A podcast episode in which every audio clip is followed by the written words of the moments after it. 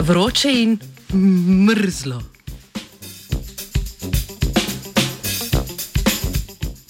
Na Univerzi v Koloradu je raziskovalna skupina preverjala uspešnost tako imenovane kontrastne terapije na konjih.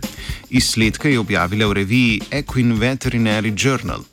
Z raziskavo je raziskovalna skupina želela izvedeti, če se lahko s to terapijo tkivo na okončinah dovolj ohladi in ogreje, da doseže terapevtski učinek, in ali je vrstni red teh postopkov pomemben.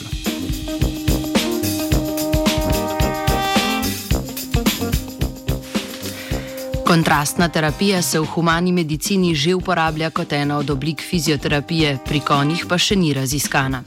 Pri tej terapiji se imenuje ogrevanje in ohlajanje poškodovane okončine.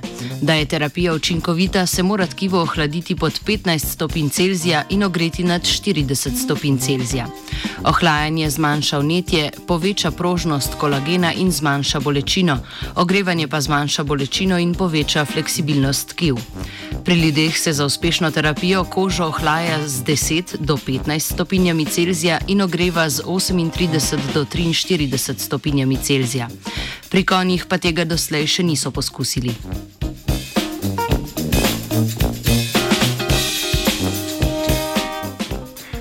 V raziskavo so vključili štiri zdrave kojne. V njihove okončine so ustavili sonde, ki so merile temperaturo. Sonde so s pomočjo ultrazvoka ustavili na kožo, v podkožje, blizu kite površinske upogibalke prstov in kite globinske upogibalke prstov. Na to so konči, okončino oblekli v rokav, v katerem se je pretakala tekočina. Hladna in topla tekočina sta se menjavali v 15-minutnem intervalu. Temperatura hladne tekočine je bila 7 stopinj Celzija, tople pa 48 stopinj Celzija. Na okončini se je hladno-topli cikl ponovil trikrat. V času terapije so sonde merili temperaturo v 15-sekundnih intervalih.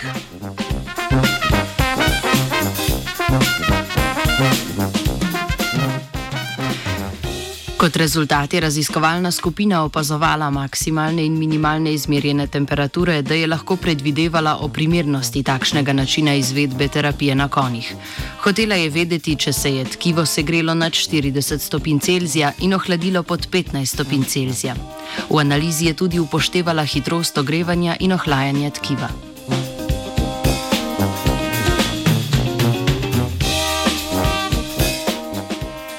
Koža, podkožje in tkivo okrog površinske kite okončine so dosegli dovolj nizko oziroma visoko temperaturo za terapevtski učinek.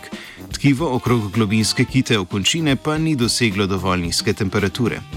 Daljši čas intervalov bi to napako lahko popravil. Treba je omeniti tudi, da so to raziskavo izvedli samo na zdravih kojnih, ne pa na poškodovanih. Z izsledki te raziskave bi se lahko takšno terapevtsko tehniko preizkusilo še na poškodovanih kojnih in posledično terapijo uporabljalo v klinični praksi.